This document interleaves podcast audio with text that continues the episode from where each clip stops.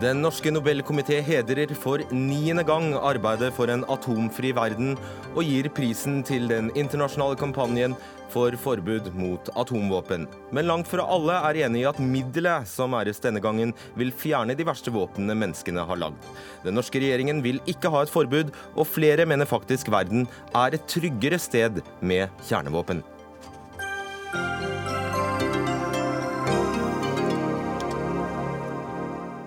Det blir selvfølgelig mye Nobel, men det blir også litt øl på tampen av ukas siste Dagsnytt 18 med meg, Fredrik Solvang.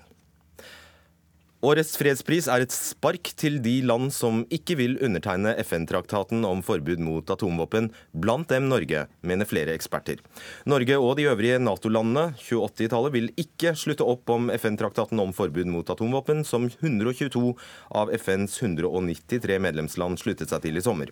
Og nå hevder flere at Nobelkomiteen viser at den er uenig med Norge og andre land som da ikke har undertegnet eh, traktaten. Vi skal, eh, skal, vi, se, eh, vi skal snakke med deg, eh, Grete Østern. Østern, Østern du befinner deg i Genéve og er våpenpolitisk rådgiver i Norsk Folkehjelp. Og du sitter i ICANs internasjonale styringsgruppe. Gratulerer med prisen. Tusen takk skal du ha. Det er en stor dag for oss. ja. Hvordan ble den mottatt? Nei, Vi var helt vantro. Vi var jo så fornøyd bare med at vi bare ble nevnt at atomvåpen var på dagsorden. Eh, og så satt vi der og så på sendingen, og vi hørte kommentatoren Lundestad si at, eh, at prisvinneren blir ringt opp på forhånd, og nå vet nok vinneren, eh, den som skal få, at de har fått prisen. Så vi var helt sikre på at det kom til å bli noe annet. Og så plutselig, bare noen minutter før elleve, så ringer telefonen. Og det var en helt absurd opplevelse. Og vi hoppet og danset og klemte hverandre og gråt litt. Ja, så hørte vi din eh, leder Beatrice Fien si tidligere i dag at hun, hun trodde først det var tull. Ja, eh, vi, eh, det var en som sa at men tenk om det er noen som tulleringer med oss. Tenk om det er det. Så vi tror vi måtte vente og se til vi faktisk så det på TV også. Dere har kommet med en klar beskjed til Norge i dag. Signer forbudet mot eh, atomvåpen. Vil du si to ord om eh, vårt eget land? Ja, det må Norge nå gjøre. Vi må i hvert fall håpe at vi får ordentlig debatt i Norge eh, om hva slags valg Norge tar når det gjelder eh, atomvåpen. Eh, vi sier at andre land ikke skal ha atomvåpen, eh, men vi sier at vi trenger det for vår sikkerhet. Eh, og med det så øker Norge faren for spredning, og øker faren eh, for bruk av atomvåpen. Er med på å jekke opp spiralen. Det må vi snart få en ordentlig debatt om. Eh, og jeg sier lykke til til den regjeringen som tror at den kan holde Norge utenfor dette forbudet på, på litt sikt.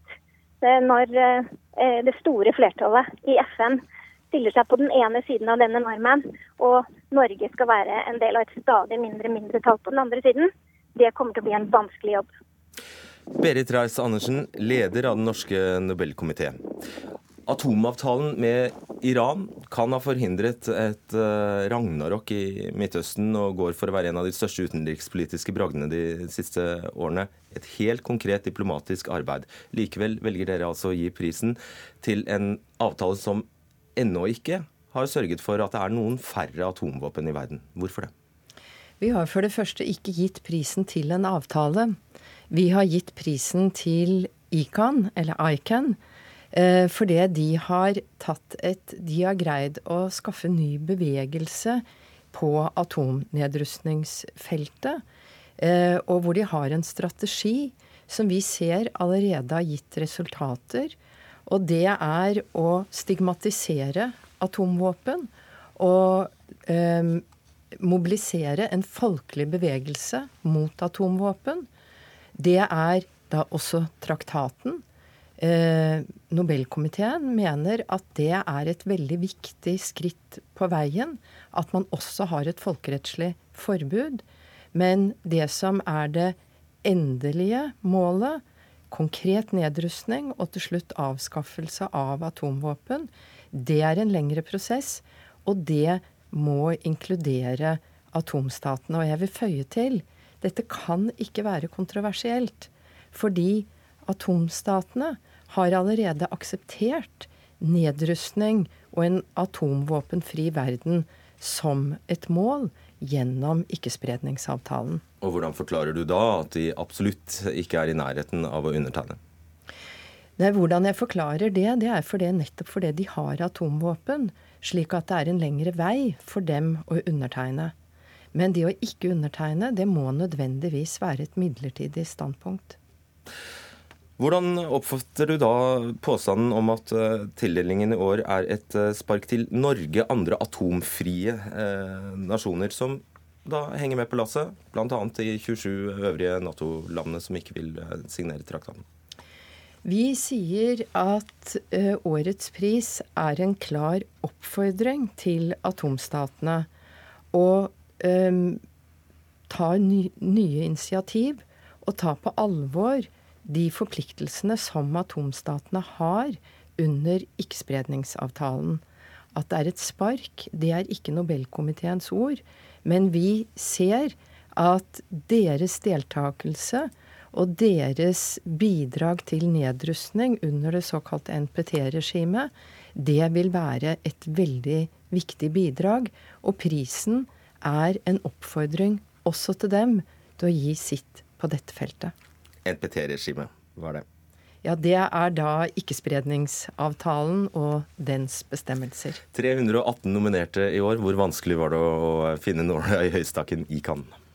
Det er alltid vanskelig å finne den rette vinner av nobelprisen. Og det eh, er det hvert eneste år.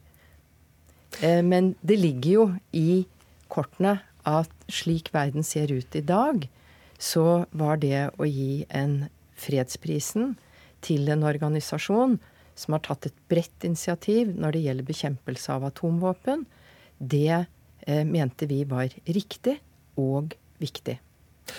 Det er jo sikkert tusenvis av organisasjoner i verden som jobber for eh, nedrustning, og eh, ikke minst for, eh, for fjerning av alle atomvåpen. Hvorfor akkurat ICAN?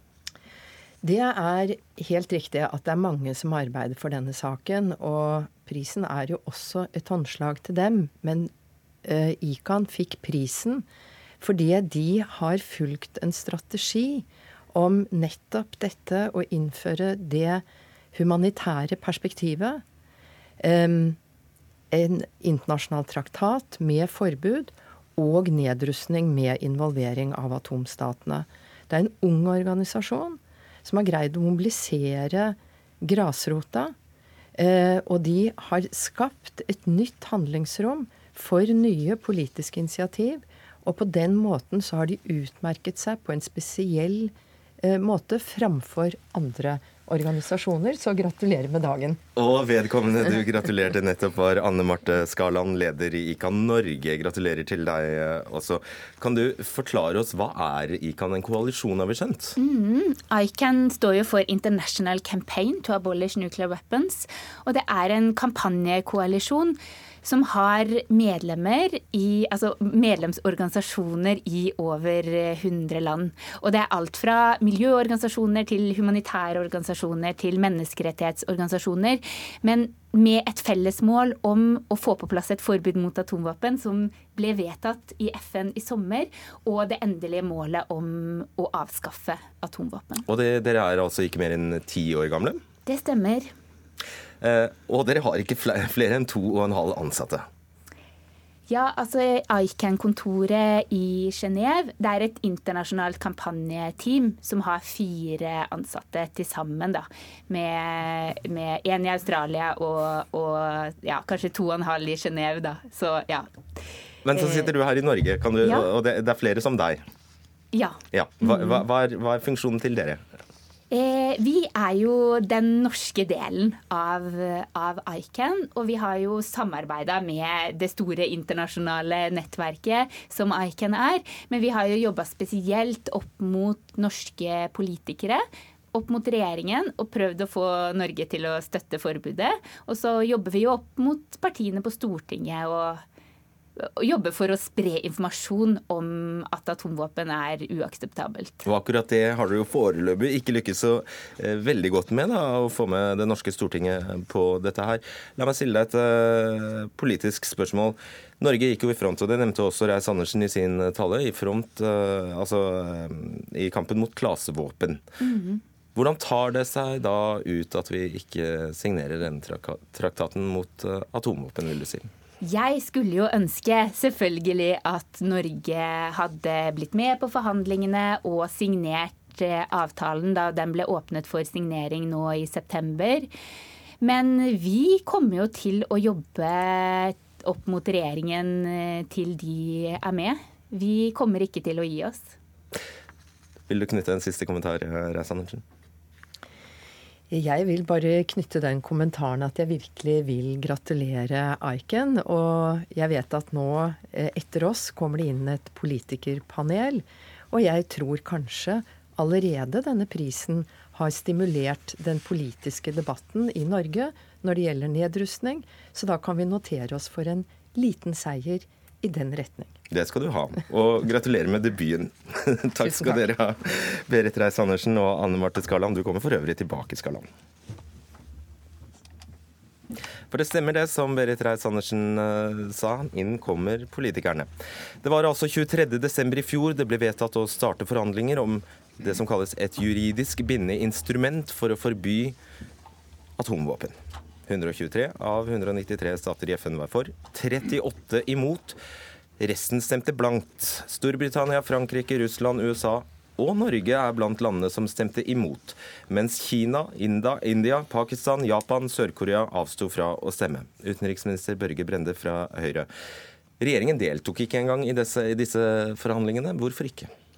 Det var ikke aktuelt for oss å være med i forhandlinger eh, som tok utgangspunkt i et eh, forbud, så lenge vi er medlem av Nato, som har atomvåpen som en del av sin strategi. Det som Nato sier, er at så lenge det finnes atomvåpen, så vil Nato ha de. Og Hvis vi i Norge skulle stemt for en traktat, og dette er jo ingen resolusjon, det er faktisk en traktat som du må både signere og så må du ratifisere en i Stortinget som sier at du skal ha et forbud mot uh, noe som uh, vi er forplikta til uh, å være med på i Nato, så går ikke det i hop.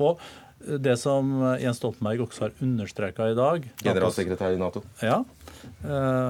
Han sier at så lenge Kina, Nord-Korea, Russland, Pakistan har atomvåpen, så vil også Nato ha de. Men det som er viktig å få frem, det er jo at det det er enighet om, er jo at vi har jo alle en visjon som går ut på at vi kunne tenkt oss en verden uten atomvåpen. Men hvis Norge slutter seg til en internasjonal traktat, så må vi etterleve det. Og da kan vi ikke uh, være med på Vi vil bare egentlig ikke gjøre noe for å nå den visjonen? Som jeg uh, slår fast, så er det viktig med nedrustning. Det er viktig å jobbe for en verden uten atomvåpen. Men um, det, dette forbudet som ikke har med seg eneste, et eneste land som har atomvåpen, det blir jo veldig lett et eh, slag i lufta. Ok. Eh, du har vel gratulert ICAN? Såpass kan du gjøre? Både statsministeren og jeg har eh, gratulert ICAN, og de har jo stått på bl.a. for å skape større forståelse for de humanitære konsekvensene av atomvåpen. Og De humanitære konsekvensene av bruk av atomvåpen er jo forferdelige. Og Derfor så tok jo Norge også dette initiativet. Men det initiativet gikk dessverre over høsten 2013 i en fase hvor eh, det dreide seg om et forbud. Og da kunne ikke Norge støtte det med penger lenger? Vi kunne ikke støtte substansen uh, i det. Uh, som og i likhet med alle andre Nato-land. Fordi eh, det er jo eh, slik at eh, man kan ikke eh, være en del av Natos Nei, det, det strategi, ja. i, som ble vedtatt i 2010, eh, da de rød-grønne satt i regjering, som mm. sier akkurat dette med at Nato vil ha atomvåpen så lenge f.eks. Eh, Nord-Korea, Kina, Pakistan har det. Og det er kanskje akkurat det f.eks. de Kanskje, eh, kanskje, alle de andre landene også, sier Audun Lysbakken, leder i eh, SV. Likevel så har dere altså lagt fram et Eller dere har i dag oppfordret regjeringen til å legge fram en sak om signering av denne og ratifikasjon av denne FN-traktaten som forbyr atomvåpen i løpet av stortingssesjonen. Hvorfor gjør dere det når du skjønner at det er helt umulig? Det er vi fordi vi mener Norge har en moralsk og eh, politisk eh, plikt til å følge opp kampen mot atomvåpen. Eh, nå er trusselen om atomkrig mer reell enn på veldig lenge. Faren for uhell ved disse våpnene er også stor. Dette er en reell, stor trussel mot menneskeheten. Norge har en lang og god tradisjon for å gå i spissen, som vi har allerede snakket om i dette programmet, i nedrustningsarbeid. Det er flaut at Norge står på feil side i FN. Regjeringen har plassert oss eh, på feil side i FN i dette utrolig viktige spørsmålet. Eh, vi mener Norge må snu. Eh, jeg har ikke noen forventning om at regjeringen tar ansvar for det. Men jeg har en forventning om at stortingsflertallet kan ta ansvar for det. Så det forslaget vi kommer til å fremme i Stortinget på tirsdag. Det er et forslag om å begynne en prosess der Norge ser på konsekvenser og muligheter for eh, å signere og ratifisere. Sånn som en del andre land går gjennom. Og Det har jeg en eh, forventning om at sentrumspartiene er med på. Det har de vært med på før. Og om at Arbeiderpartiet er med på det. Ja, det kan du, kan, du, kan, se på det som en konsekvensutredning, og det pleier Arbeiderpartiet å være for. ja, ikke sant? Det gjør dere jo, Eirik Sivertsen, utenrikspolitisk statsperson i Arbeiderpartiet. Dette er jo umulig å si nei til. Jeg har ikke hatt sjansen, så jeg skal benytte anledninga til å gratulere ICAN med, eh, med, prisen. En pris som jeg syns er, er, riktig. Eh, en klok vurdering, åpenbart i Nobelprisens ånd. Ja, for Arbeiderpartiet er jo for et forbud, eller? Altså, Vi vil ha en atomvåpenfri verden. Og, ja, og det er jo ikke bare en visjon, men det er jo et mål. Eh, som vi er villige til å arbeide eh, mot. Eh, og så har vi, har vi, sagt at ja, da må vi ta i bruk da, det politiske virkemidler for det, men vi kan jo ikke drive en ensidig nedrustning verken fra, fra Norge eller, eller Nato jeg. Vi har jo ikke noe atomvåpen. Nei, men vi, har, vi, har et, eh, vi, inngår i en allianse som har det her som en del av sitt strategiske eh, konsept. Og våre allierte har, eh, har atomvåpen. Men når det er sagt, så har jo også Nato som målsetting at vi skal få en atomvåpenfri verden. Spørsmålet er jo hvordan skal vi arbeide politisk for å få det til? Ja. Hvilke virkemidler skal vi ta i bruk? Og da Hvor har du et konkret forslag her fra Audun Lysbakken. Stemmer du for eller mot? Jo, Det forslaget til eh, Audun Lysbakken og SV det skal vi se på når vi får forslaget eh, presentert. Det er ikke noe vi kan ta stilling til over i et, i et radiostudio, men det skal, det skal vi studere nøye. Ja, det, det, vil ikke jeg spekulere i, men det som er viktig, og som utenriksministeren også var inne på ja, Den rød-grønne regjeringa tok jo et initiativ eh, nettopp til eh, en nytt perspektiv eh, på en humanitær tilnærming til, til, spørsmålet om atomvåpen. Det, jo, eh, det, det gjorde vi bl.a. sammen med Internasjonale Røde Kors. Jo, men det, det arbeidet stoppa opp høsten 2013. Ja, men du snakker deg litt bort altså, jeg, jeg, skulle ønske jeg kunne få et eh, svar på et egentlig et såre enkelt spørsmål. Er Arbeiderpartiet som parti for eller mot forbud mot atomvåpen? Vi kommer til, eh, altså, Det er jo en tradisjon i Norge for å, eh, for å eh, la regjeringa, og det er også i tråd med Grunnloven, som har ansvaret for utenrikspolitikken. Vi kommer ikke til å detaljinstruere fra, fra Stortinget.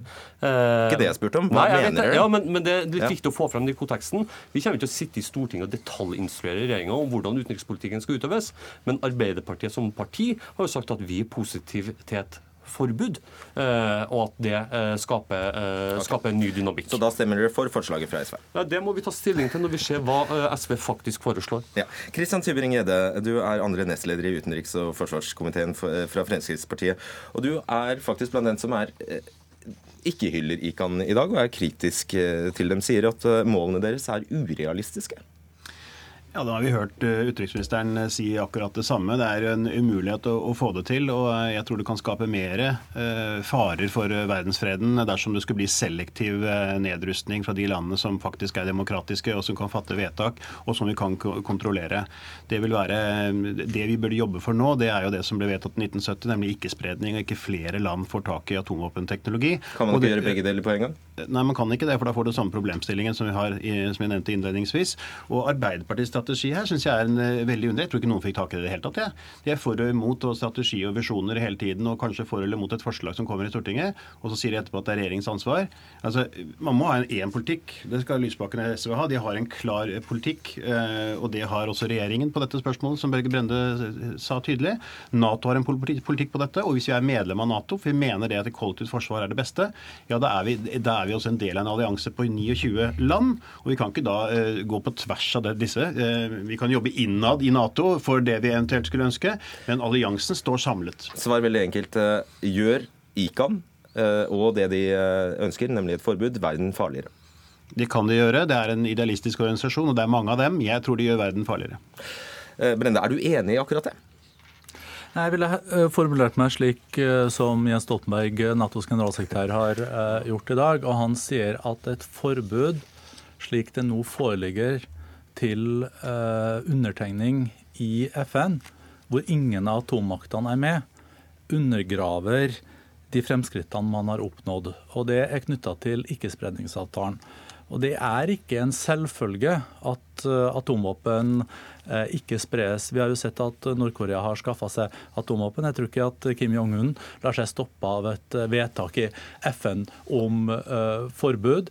det tror jeg heller ikke ja. Pakistan eller Iran eller andre. Men det er også viktig å få frem, og der vil jeg faktisk forsvare Arbeiderpartiet og det er at de humanitære konsekvensene av atomvåpen som den rød-grønne regjeringa starta med, altså få frem det, var viktig. Men å gå til et forbud eh, på begynnelsen av en prosess, og ikke på slutten, det er jo det som dette her egentlig dreier seg om. Og stortingsvedtaket har konkludert med at dette kan gjerne ende i et forbud hvis alle avskaffer atomvåpen, men det må starte med reell nedrustning.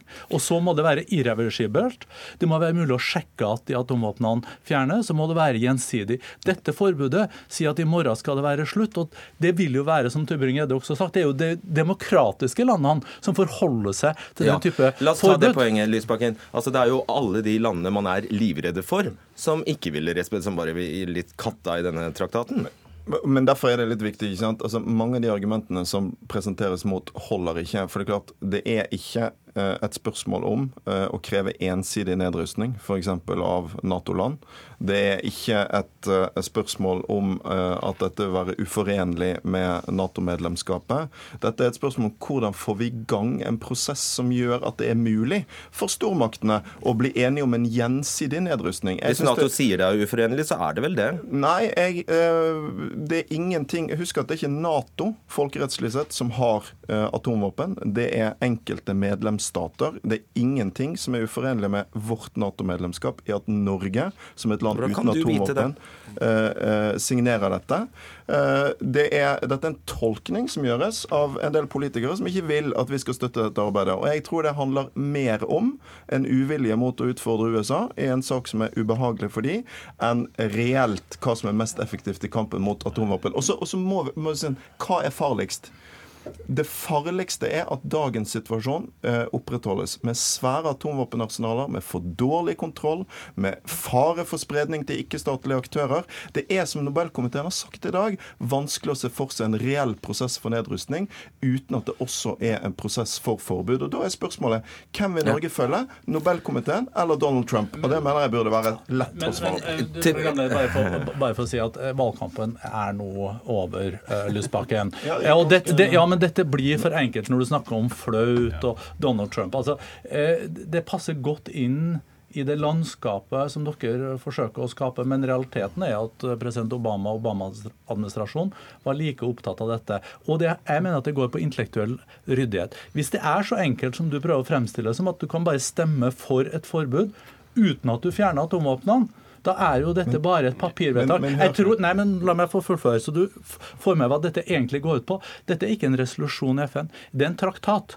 Den er altså utforma slik at regjeringa må bringe den inn Kan jeg få fullføre? Det må bringe den inn til Stortinget for ratifikasjon. Og Norge, som har slutta seg til da du satt i regjering i 2010, at vi er en del av Natos atomstrategi. Og det skal vi være glad for at vi er. Kan selvsagt ikke stemme for et forpliktende Nei. forbud. Nå kniper jeg deg. Du snakker så lenge. Det du sier, er at vi ikke skal etterleve men, forbudet. Men kan jeg få svare kort, veldig kort Kan du vente bitte litt, så skal eh, få. Altså, du, har, du har sagt at dette, prisen faktisk uthuller hva du har sagt. Du har sagt at eh, dette, denne tildelingen gjør nobelprisen mindre relevant eller irrelevant. Hvorfor det? Jo, fordi at uh, man prøver å gi eh, nobelprisen til noen som har en, en, en visjon om noe som er realistisk å oppnå.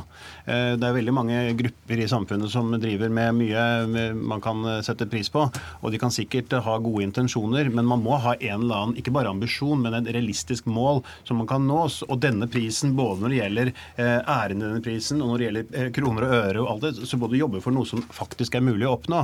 Og det er klart at teknologien finnes, at våpen finnes. Eh, og så lenge den finnes, så vil også vestlige demokratiske land ha den teknologien. Du tror ikke på en atomfri verden? rett og slett? Atomvåpenfri jeg, jeg tror det ikke kommer til å skje. Altså, det har aldri skjedd at noen teknologi er oppfunnet, og så har den blitt avoppfunnet senere. Det har aldri funnet sted. Eh, Siv, eh, ja, du skal få slippe til. Sivertsen, Arbeiderpartiet har altså Først var Anniken Huitfeldt ute og sa hun ville ha forbud. Så nei, så eh, sa Støre nei, det er vi ikke for likevel. Og så endte det altså med en setning som var nesten umulig å lese. Hvorfor, hvor, hvor ble det av Hvorfor skjedde det? Hvor ble det av kravet deres til forbud? Jo, men det er jo det eh, som jeg forsøker å si, det er jo to forskjellige ting her. Det er, ene er jo hva vi gjør eh, fra uh, Stortingets side, der det er regjeringa som har samla ansvaret for uh, utenrikspolitikken. Vi står ikke for en politikk der vi driver med detaljinstruksjon av, av regjeringa. Men Arbeiderpartiet har jo vært uh, tydelig på at at atomvåpen Vi ønsker en atomvåpenfri verden. Da må vi ta i bruk politiske virkemidler for det. Og da litt til hva Christian Tybring-Gjedde sier her. For jeg syns det er utrolig passiv holdning. For det første så er det sånn at Nato sier også at man skal arbeide for en atomvåpenfri eh, verden. Men jeg hører ingen kritikk mot at Nato jobber mot et urealistisk mål. Men denne argumentasjonen her hørte vi når det gjaldt klasevåpen. Vi har hørt det mot miner. Vi har hørt det mot biologiske og kjemiske våpen. Men gjennom politiske virkemidler og politisk arbeid eh, så har man lykkes med å få til eh, forbud og regulert det her på en bedre måte. Eh, det er det mulig også å få til med atomvåpen. Og konsekvensene, humanitære konsekvensene av å bruke atomvåpen er betraktelig eh, større. Så det er et viktig spørsmål. Ja. Men det er et vanskelig spørsmål jeg, også internasjonalt. Jeg vet du må løpe aldeles straks, men du skal få med deg et siste, siste spørsmål på veien, Børge Brende. Inntil 2011 så var du generalsekretær i eh, Røde Kors. Eh, som er iherdige tilhengere av et forbud mot eh, atomvåpen. Og Røde Kors mottar 3,6 millioner kroner i året bl.a. for å arbeide mot, for et forbud. Hva mente du som Røde Kors-leder om et forbud? Det som uh, Røde Kors var opptatt uh, av på det tidspunktet, var jo dette humanitære initiativet som varte frem til høsten 2013, og som også er støtta. Og det er å få frem eh, konsekvensene av bruken av atomvåpen. Det er jo derfor vi alle deler Var det for et forbud da, eller var du imot et forbud? Nei, men Forbud var ikke på dagsordenen. Tvert imot så ble 2007 det 2007 begynte den kampanjen. Ja, men altså det initiativet som den internasjonale Røde Kors-komiteen jobba eh, for, sammen med den norske regjeringa, var et humanitært initiativ som skulle illustrere hva konsekvensene var. Altså, daværende utenriksminister Espen eh, Barth Eide sa våren 2013 at dette er ingen forbudsprosess. Det er noe helt annet. Dette er en prosess for å illustrere Så du slapp, du slapp som Røde Kors for å mene altså, noe om det? Nei, eh, Det jeg kunne mene noe om, var det som dette uh, starta med, de humanitære konsekvensene. Denne forbud det er en blindvei. Det er et uh, slag i lufta. fordi at så lenge vi ikke har med atommaktene. Men får vi med atommaktene, kan vi stoppe spredninga av atomvåpen til ikke-statlige aktører. Men det har vi jo ikke-spredningsavtalen til. Og det som Stoltenberg også understreker i dag, og som eh, han har rett i, er jo at dette kan faktisk um, gjennom forbudsprosessen um, skape utfordringer for den viktige ikke-spredningsavtalen. Ja. Da sier vi tusen takk til deg, Børger Brende. Audun Lysbakken. Dere i SV altså, de, dere har et partiprogram som sier at dere er tuftet på Nato-motstand. Dere ønsker altså ikke atomvåpen. Dere mente også i sin tid at USA under Bush var den, var den største trusselen mot verdensfreden. Skal vi Altså, etter det så har, altså, også har vi sett et aggressivt Russland som spiser, andre, som spiser deler av andre suverene eh, stater. Viser ikke det at vi trenger Nato med atomvåpen? Det er flere partier, ikke bare SV, også partier med et annet syn på Nato enn oss, som uh, støtter at Norge skal gå inn for et Nato-forbund. Og Grunnen til det er jo nettopp at den Nato-debatten er litt et sidespor. Dette er ikke et spørsmål om for eller mot Nato. Den debatten kan vi gjerne ta, men det er fullt ut forenlig å være medlem av Nato og gå inn for et forbud. Det er viktig at noen land som er medlemmer av Nato, tør å gjøre det. Uh, og Børge Brende argumenterte i sted som om han var utenriksminister i USA. Det er han jo ikke. ikke sant? Som, som Berit Reiss Andersen også sa innledningsvis, så vil det ta lengst tid før atommaktene er klare til å slutte seg til en sånn avtale. Men Norge har ikke atomvåpen. Vi kan gjøre det før. Og hvis vi skal komme dit at atommaktene vil være med i en sånn prosess, så må jo andre land legge press på det. Ikke minst vestlige demokratiske land. Det er den politiske betydningen av at eh, Norge skifter side. Det er forpliktelser å være medlem i Nato. Du later som at vi kan gjøre hva vi vil innenfor Nato. Det er altså en avtale mellom 29 land i Nato. Dette inngår som en del av avtalen. Norge kan ikke bare bryte ut av en avtale og si at vi mener at siden ikke vi har atomvåpen, så vil vi støtte ethvert forbud mot atomvåpen. Det, det, går ikke an. Det, det, er, det, er, ikke mulig. La oss, la oss, ta det fast. Du kan, du kan være imot Nato. Men det kan du ikke slå fast, Kristian. Det er ingenting i Norges tilknytning til Nato som tilsier at det er umulig for Norge å jobbe for et forbud. Tror du vi hadde blitt et veldig populært medlem? men det er derimot et relevant spørsmål. fordi at dette føyer seg jo inn i et bilde av at regjeringen altså ikke ønsker å utfordre USA. Eh, og, og, og, utenriksministeren flåset med dette med valgkamp og sånn, men det er jo en politisk realitet. Og når vi sitter her i dag, så er det jo ikke fordi det er valgkamp i Norge, den er over, men fordi Nobelkomiteen, med den tyngden den gir, har gitt et veldig tydelig signal som også regjeringen og Stortinget må forholde seg til på en mer seriøs måte enn det syns høyresiden gjør. Hele, hele poenget med atomvåpen er at, for det er det vi diskuterer nå, ikke strategien i Nato. Men atomvåpen er altså mutual destruction. Det vil si at hvis noen bruker det, så er de garantert utslettet. Og det er forskjellen fra alle andre avtaler, om det er landminer, som Arbeiderpartiet var inne på, derfor, som er da, for dette er en game changer. Derfor er det ingen som krever ensidig nedrustning, men en prosess for at atommaktene skal komme i dialog med hverandre, og forbudet faktisk en god vei inn i det. Eh, Bare vent et lite øyeblikk, øyeblikk fordi jeg vil introdusere Henriette Westrin, generalsekretær i eh, Norsk Folkehjelp. Eh, de siste årene har altså støtten til organisasjoner i Norge og utlandet som jobber for atomvåpenforbud, blitt barbert av regjeringen. Mens Norge f.eks. sørget for at ICAN kunne ha sju ansatte under den rød-grønne regjeringen, er, støtten nå altså kuttet slik at ICAN kun har to og en halv ansatte. Og dette bekreftet jo Brende i sted, som vi hørte. Hva er det som har skjedd her? Vesselin? Det som har skjedd er at det forbudet som ble vedtatt i sommer, det er stor grad basert på et forarbeid som ble finansiert fra norske myndigheter. Norge igangsatte det som ble kalt det humanitære initiativet eh, rundt atomvåpen. De hadde to spor. Det ene var støtte til sivilsamfunn internasjonalt, hvor man sa at man trenger et folkelig press, man trenger et folkelig engasjement rundt dette store, viktige spørsmålet. Det andre var en storstilt støtte til akademia. Tidligere har man ofte snakka om atomvåpen som bare et sikkerhetspolitisk fenomen. Nå vil man ha kunnskaper om hvilke konsekvenser dette får for folk, for det humanitære sida. Det var massiv forskning i internasjonale internasjonale miljøer, og det var en massiv oppslutning av sivilsamfunnet. Ved utgangen av 2014 så ble disse, disse midlene bare kutta. Etter det har ingen lenger fått støtte. Og Norge var altså de som dreiv fram all den kunnskapen som har ligget til grunn for vedtak som ble fatta. I det internasjonale miljøet så snakka man om Nordkalypse, fordi at plutselig forsvant finansieringa. Så verken mer forskning eller mer engasjement ble da finansiert. da. Du har stor forståelse for, fordi man, en, en norsk regjering som jobber for det motsatte av det dere gjør, kan jo ikke drive og støtte dere økonomisk? Det i hvert fall som den forrige regjeringa sa, var jo at de, de støtta sivilsamfunnet. De ønska, de ønska å bli utfordra, og de støtta å skaffe ny kunnskap. Og det at man heller ikke ønsker å satse på forskning og få inn kunnskap om dette, det syns jo jeg er trist. Eh, og det var jo Flere ganger så var det et stortingsflertall som, som etterlyste den type spørsmål, som fortsatt ønska at det skulle bli finansiert, men det har altså ikke blitt bevilga noe penger til dette fra norsk side eh, fra 2015 og utover. Hvor har dere tatt pengene fra, da?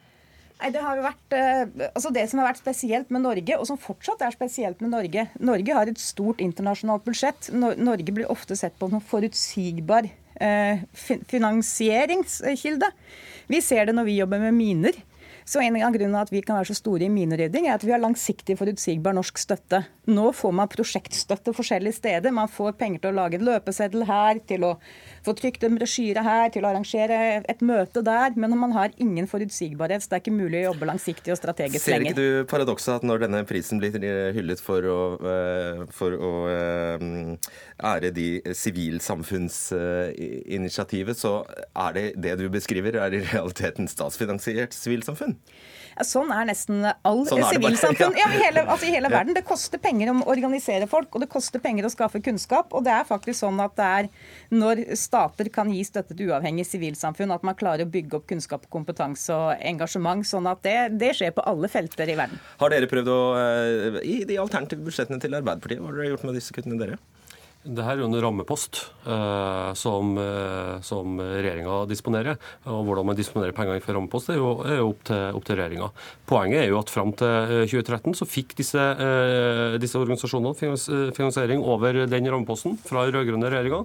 Når de borgerlige overtok, så valgte man å prioritere penger til eh, andre ting. Det må de svare på. og Det syns jeg er synd. fordi at eh, denne diskusjonen handler jo ikke bare om den traktaten eh, som eh, har et, et form for eh, forbud mot atomvåpen. Det handler jo om kunnskap, det handler om etablering av forståelse, det handler om å utvide eh, forståelsen. Lysbakken var inne på, eh, eh, og som også Nobelkomiteen er inne på, ser jeg, altså store sikkerhetsutfordringer med de her våpnene. Eh, Den kunnskapen går vi nå glipp av, fordi at man har valgt å prioritere andre ting og støtte opp under den kunnskapsutviklinga. Kunnskap er vi jo ikke imot, Tybring-Gjedde. Jeg, altså du, du etterlyste idealismen her, og det er jo det. Hvis du løper etter statlige bevilgninger for å ha så mye idealisme, det, ja vel, eh, det er mulig det, men du burde kanskje søke mer private eh, midler da, hvis det er så mye idealisme der ute. Så Det, det er én del av det, men det er ikke veldig viktig. Hvor viktig er at kunnskapen Man snakker hele tiden om kunnskapen. Jeg tror de fleste vet hvor ødeleggende atomvåpen er. Det har til og med vært, eh, til og med vært brukt. Så jeg tror, vi, jeg tror vi vet det. Og når vi snakker om altså, gjensidig eh, utslettelse som atomvåpensfilosofi, så er det klart at da skjønner vi at dette er ganske alvorlig. Vi, vi, vi skjønner at det er ikke noen steder på jordkloden som kommer til å overleve en, en atomkrig, altså en global atomkrig. Så, så, så den kunnskapen har vi. Akkurat hvordan det vil skje, det er jo én ting. Men at vi har kunnskapen, det er lite tvil om. Poenget er at vi har den fordi at vi ikke skal bruke den. Det er jo hele poenget. Det er jo det som er hele poenget med å ha atomvåpen. Slik at vi ikke bruker atomvåpen. Skal... Hvis noen har det og andre ikke har det, så risikerer vi at den blir brukt.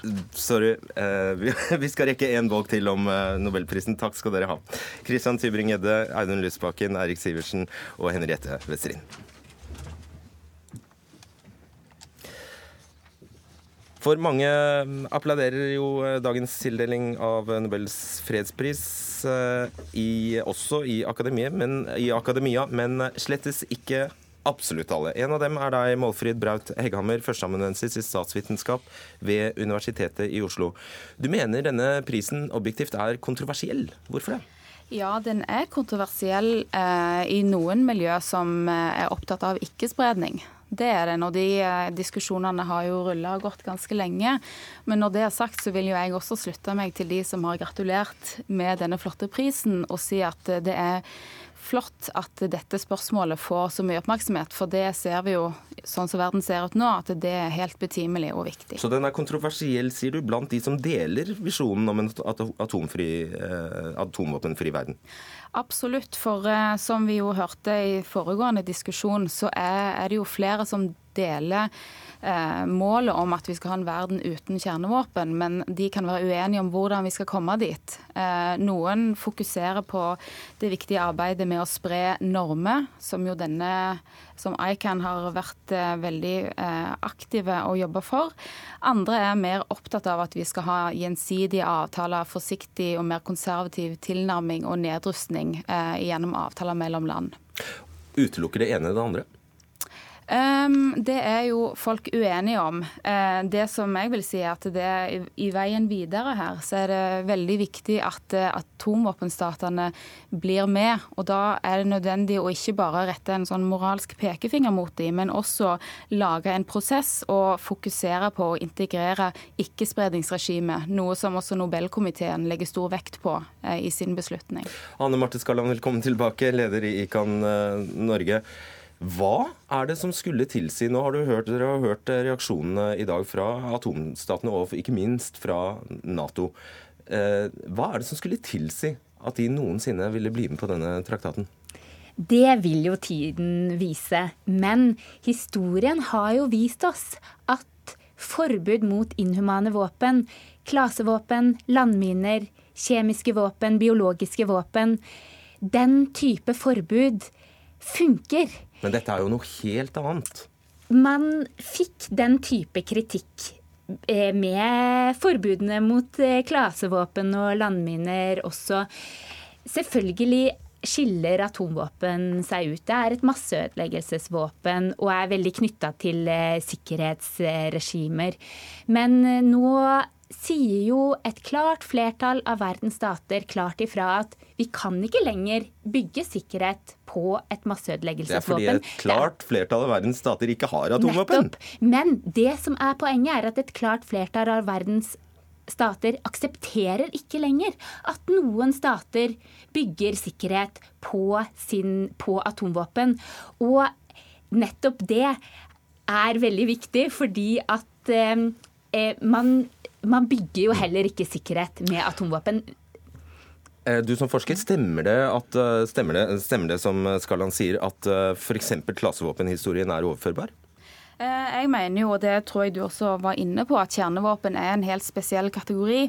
Kjernevåpen er et våpen som f.eks. Nord-Korea ser på som helt avgjørende for sin overlevelse. Sånn at eh, vi er nok enige om at kjernevåpen eh, utgjør en helt spesiell type utfordring som gjør det vanskelig å få land med på å gi opp disse våpnene.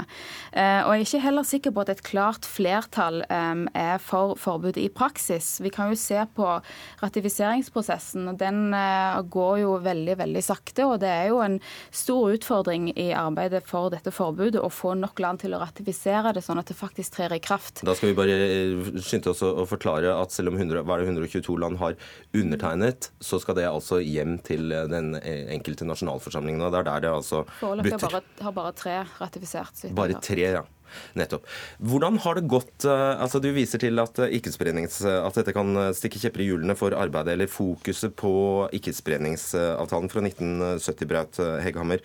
Um, når man ser på lista over eh, atommakter i verden, så eh, gir jo ikke den deg rett, egentlig. Den lista har jo bare blitt eh, større den gir meg faktisk helt rett. fordi hvis du ser på hvor mange land som har forsøkt å utvikle kjernevåpen og har jobba aktivt for det, så ser vi at NPT, altså ikkespredningsavtalen, har vært eh, forbløffende effektiv. Så, så, der vil jeg holde fast på at det er en suksesshistorie. Så mange flere land enn eh, India, Pakistan, Nord-Korea, Israel, Kina ville Nei, ja, ja, de. Mange flere enn det ville ha hatt atomvåpen uten den uh, avtalen? Absolutt, og vi ser jo nå at det faktisk kan være en del land som vil revurdere sin beslutning om å ha stoppa sine kjernevåpenprogram, f.eks. i Sør-Korea, kanskje også i Japan. Så ikke-spredning er fremdeles en særdeles viktig utfordring. Hvordan skal, skal man greie å kontrollere at det ikke produseres atomvåpen hvis, uh, hvis det skulle komme et forbud? Altså, Eh, nå er jo Forbudstraktaten ble jo vedtatt i, eh, i, sommer. Og så må jeg bare få fram at det at det er få som har ratifisert, handler jo om at det var 20.9 man åpnet for signering, og at stater kunne ratifisere. Så, og 50 stater, nei, 53 stater har, har eh, signert. Sånn at det, det og hvis har... alle land har like lang sommerferie som det norske storting, ja, så tar ting tid. Sant, ikke sant. Men poenget er, og også er det et viktig poeng, at vi er jo også veldig veldig for ikkespredningsavtalen. Selvfølgelig, det er en kjempeviktig avtale som sannsynligvis har hindret at eh, flere stater har skaffet seg atomvåpen. Men det som er viktig, er at det er ingenting eh, De står ikke i motsetning til hverandre. Både ikkespredningsavtalen og forbudstraktaten inneholder bestemmelser om kontroll av at, at, av at man ikke skal eh, skal utvikle atomvåpen. Sånn at, sånn at eh, de eh, begge avtalene inneholder det samme strenge regimet på at eh, man vil bli kontrollert.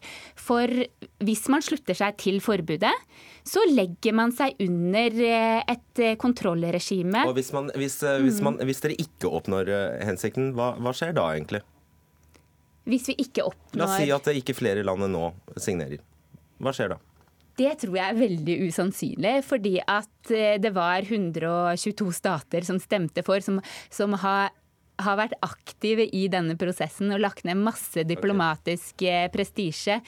Så og nettopp det, at det er så mange stater som sier at ja, vi vil faktisk eh, legge oss under mm. enda flere bestemmelser.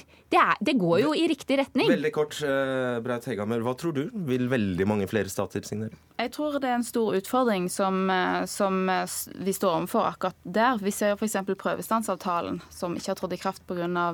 nettopp dette. Og det er jo også fremdeles uklart for meg hvordan eh, denne konvensjonen og ikkespredningsregimet vil forholde seg til hverandre i praksis. og Det viser jo også den tildelingen at det er veldig viktig eh, å fokusere på nettopp dette forholdet fremover, for at man ikke skal få utilsikta konsekvenser. Takk skal dere ha, Målfrid Braut Hegghammer og Anne Marte Skarland.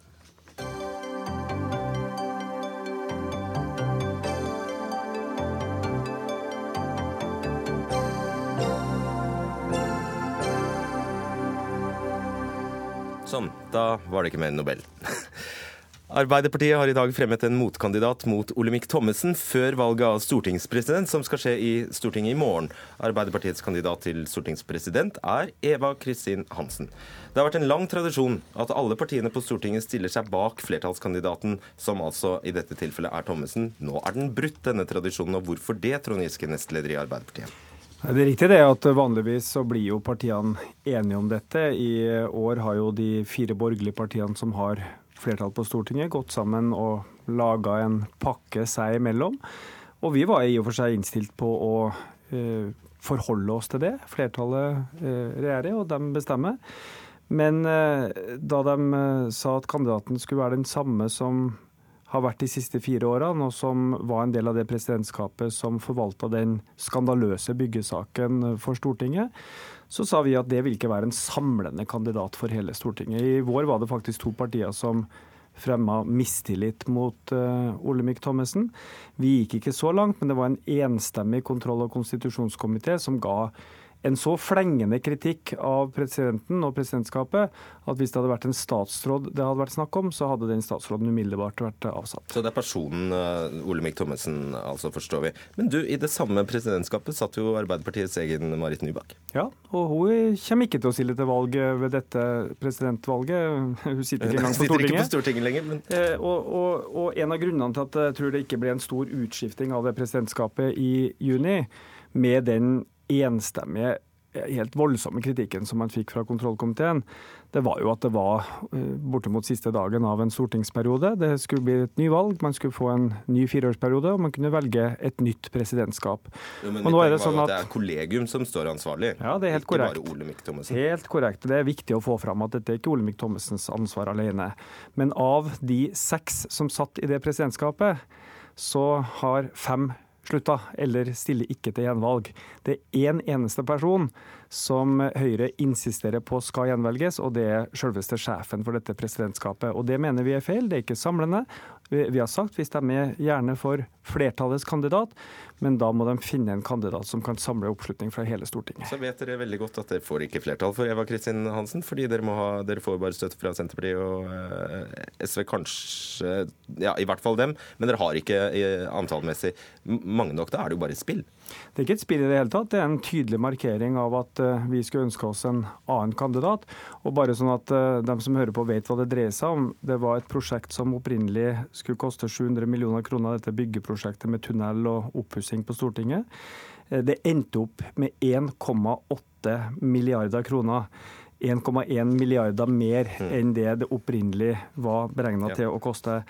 Og Kontrollkomiteen sa at presidentskapet ikke hadde oppfylt opplysningsplikten overfor Stortinget. De sa det at det var sterkt kritikkverdig, svært beklagelig. Det var byggherren sjøl som hadde hovedansvaret. Dette er sitater fra den innstillinga. Og det er klart at altså, som statsråd, som statsråd, i ti år så vet jeg at hvis Stortinget hadde sagt noe sånt om meg, så hadde det vært bare å begynne å finne fram pappeskene, pakke kontoret og gå ut av eh, eh regjeringskontorene. Ja, og så endte det med klimakset mistillitsforslag hvilket Arbeiderpartiet ikke stemte for. Nei, fordi at det er veldig uvanlig. Altså Presidentskapet har ikke den samme parlamentariske ansvaret overfor Stortinget på samme måte som en statsråd har. Så det er veldig uvanlig å kaste en president midt i perioden. Men det var også ja, men helt Nå sier du det, var, det er så alvorlig at dere ikke kan stemme for Olemic Thommessen, og så brukte dere ikke anledningen til å felle han Nei, men det ville, vært, det, det ville vært litt merkelig. Altså Den siste dagen omtrent på Stortinget av en fireårsperiode, og så begynne å skulle velge et nytt presidentskap. Vi gikk til sommerferie, det var nyvalg, vi får nye sjanser, og dette kunne Høyre ha rydda på en veldig ordentlig måte. Og det har noe med at i Stortinget også så må det være noen som er ansvarlig. Altså Det er ingen eh, i Norge som kan rote bort eh, over en milliard kroner uten at noen må ta ansvaret. Og i dette tilfellet er det altså presidentskapet som må ta ansvaret. Hvordan blir dette nå, med en eh, stortingspresident med et knappest mulig flertall? Hva slags blir det annerledes? Ja, Vi får jo se i morgen. da. Det er jo skriftlig votering i morgen. Det har jo skjedd tidligere at det både har vært blanke stemmer og litt stemmer på kryss og tvers. Det er jo ikke partiene som stemmer. Hver enkelt av de 169 representantene skal skrive et navn på en lapp, eller la være å skrive et navn på en lapp. Legge det opp i en urne. Det er den eneste gangen i en fireårsperiode at vi voterer på den måten. Eh, så vi får se. Hvis alle partiene stemmer slik partiene sjøl har sagt, så blir Olemic Thommessen valgt. Men vi vet jo at langt inne i både i Høyre, og Frp og KrF og Venstre er det mange som er svært misfornøyd. Abid Raja sa jo f.eks. i juni at dette var sterkt kritikkverdig. Men det sier han ikke lenger, for nå skal han bli visepresident. Ja, han har fått en av Høyres eh, ja. presidentplasser og har plutselig blitt mye mildere i kritikken. ja, Men vi får se, det kan være andre som står fast på den kritikken som Stortinget fremma Det stemmer det du sier der, Giske. Vi må takke deg. Vi skal invitere Abid Raja en dag for å høre hva, hva som har skjedd. Takk skal du ha, Trond Giske. Takk for det.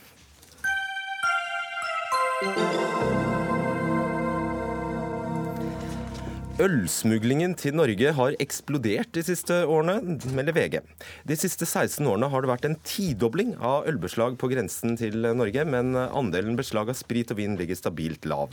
Tomgods og emballasje som er smuglet inn de siste årene, tilsier at store deler av ølet som smugles inn, kommer fra Polen og Øst-Europa. Ola Bollestad, du er stortingsrepresentant for Kristelig Folkeparti og nestleder i KrF. Fri flyt av billig østeuropeisk øl. Ja, dette kan ikke, det kan ikke bli hyggeligere enn dette for Kristelig Folkeparti. Ja, hvis du er ironisk, så er det hyggelig. Ja, jeg er ironisk. Ja, jeg skjønner det.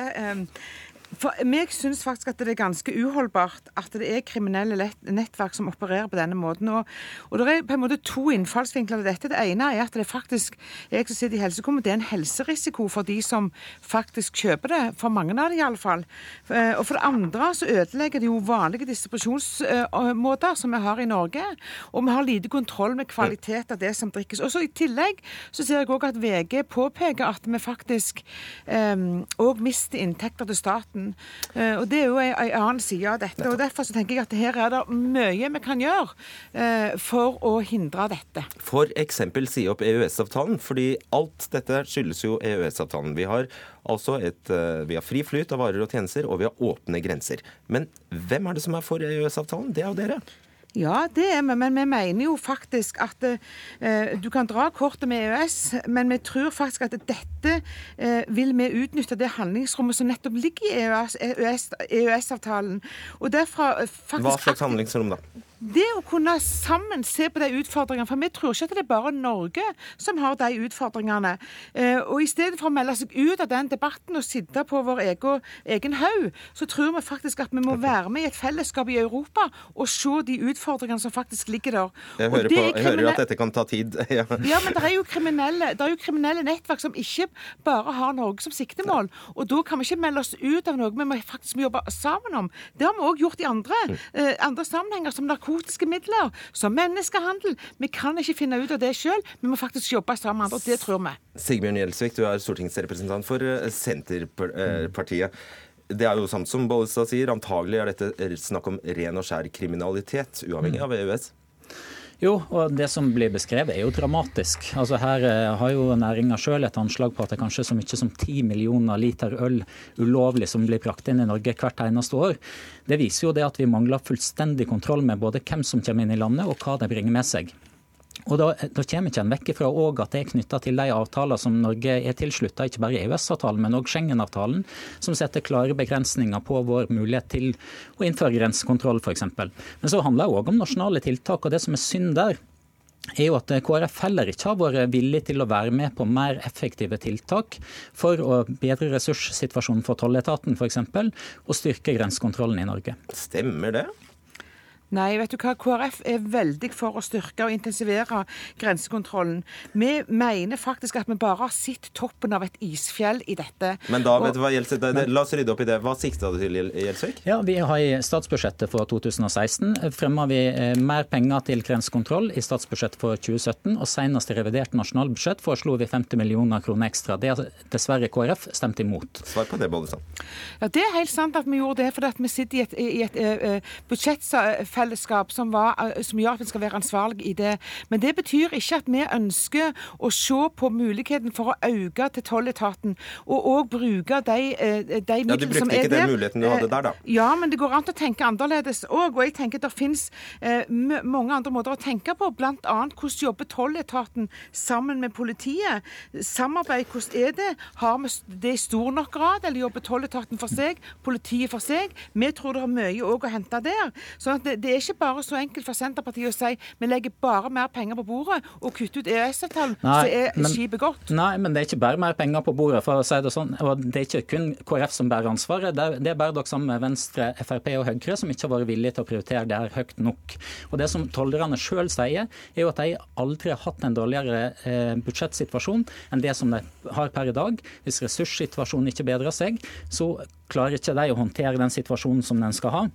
Det som jeg konkret har sagt, er at de da ikke vil kunne utføre sitt samfunnsoppdrag på en forsvarlig måte. Det er ganske sterke ord fra, fra tolletaten. Og Så handler det òg om de internasjonale avtaler som en er en del av. Vi har for, for, eh, foreslått i Stortinget at en, når det gjelder Schengen, at Norge burde tre ut av de bestemmelsene i Schengen-avtalen som gjelder grensekontroll, sånn at vi selv på nasjonal basis kan innføre den kontroll på grensa ja, som er 70, nødvendig. Ved 78 grensekontrollstasjoner vil du mm. altså ha eh, eller du vil ha eh, grensekontroll på 78 steder. Er du klar over Har du, regnet, har du regnet på det? Ja, vi har jo stilt Justisdepartementet nok spørsmål rundt det. De har anslått 900 millioner kroner for en full grensekontroll på de grensestasjonene. En milliard kroner i året? Ja, så må vi òg se på de kostnadene som er for det norske samfunnet ved smugling. Altså Bare smugling av øl har jo bransjen anslått 390 millioner kroner i tap. Så er det kriminalitet, det internasjonale bander og ikke minst den utrygghet som folk føler når en ikke har kontroll i Norge. Og Det var bare grensekontrollen. Det var ikke, da hadde du ikke engang eh, begynt å inkludere flere tollbehandlere, f.eks.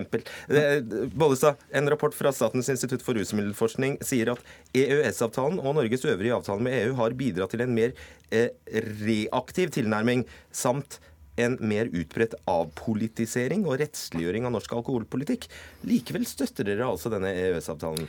Ja, for det, det kan, altså Vi tenker sånn at det finnes et fellesskap i EØS-avtalen som faktisk har en felles utfordring. Felles utfordring er at vi har noen kriminelle bander som selger eller smugler alkohol, ikke bare til Norge, men til andre land. Som får Også, det så enkelt ved at grensene er vidåpne ja, og det er fri flyt? Ja, men da blir spørsmålet skal vi da, som Senterpartiet sier, bruke 1 milliard kroner på å nesten stenge grensene, eller går det an å jobbe med begge deler? Ja, ha streng strengere grensekontroll, men samtidig men, jobbe sammen med det fellesskapet som EØS har. For jeg tror hvis vi ikke kommer til kjernen i det som er problemstillingen, så vil vi aldri komme i mål. Hvis vi ikke får ta de bakmennene som faktisk gjør at bilene kommer til Norge med den varen, så kommer vi jo ikke i mål. For de vil finne bare andre og nye veier. Og det er det fellesskapet jeg snakker om. Jo, men Vi skal selvsagt ha internasjonalt samarbeid. Det har jo Norge deltatt i gjennom lange ja, tid. Både europeisk og på internasjonalt plan, f.eks. gjennom Interpol. Men altså, en gjør jo ikke situasjonen bedre gjennom å fjerne grensekontroll. Norsk alkoholpolitikk er basert på at en har virkemiddel å bruke i Norge, bl.a. i forhold til avgiftsnivå og i forhold til regulert omsetning. Når du ikke har kontroll på grensa, så spiller jo de, de virkemidlene ut over, over linja, fordi at du da får tilgang til store mengder Eh, alkohol. Den var annen forskning viser, Det viser faktisk at EØS-avtalen ikke har svekket norsk alkoholpolitikk. Jo, men altså det, det, har jo en helt åpenbart gjort. altså Noe av det første som skjedde med EØS, var jo at importmonopolet for Vinmonopolet forsvant. En har òg hatt press både i forhold til privatimport av alkohol og i forhold til, i forhold til reklame. Og som en så omfattende, så, så omfattende, ulovlig import av øl som i dag er, klart det er en, en, press på en regulert omsetning av alkohol som du har i Norge. 25, eh, vi snakker om 25 millioner utenlandske øl ølbokser minst, uh, Ola Bollestad. Du må jo ta, uh, dette er et ganske enkelt valg, virker sånn?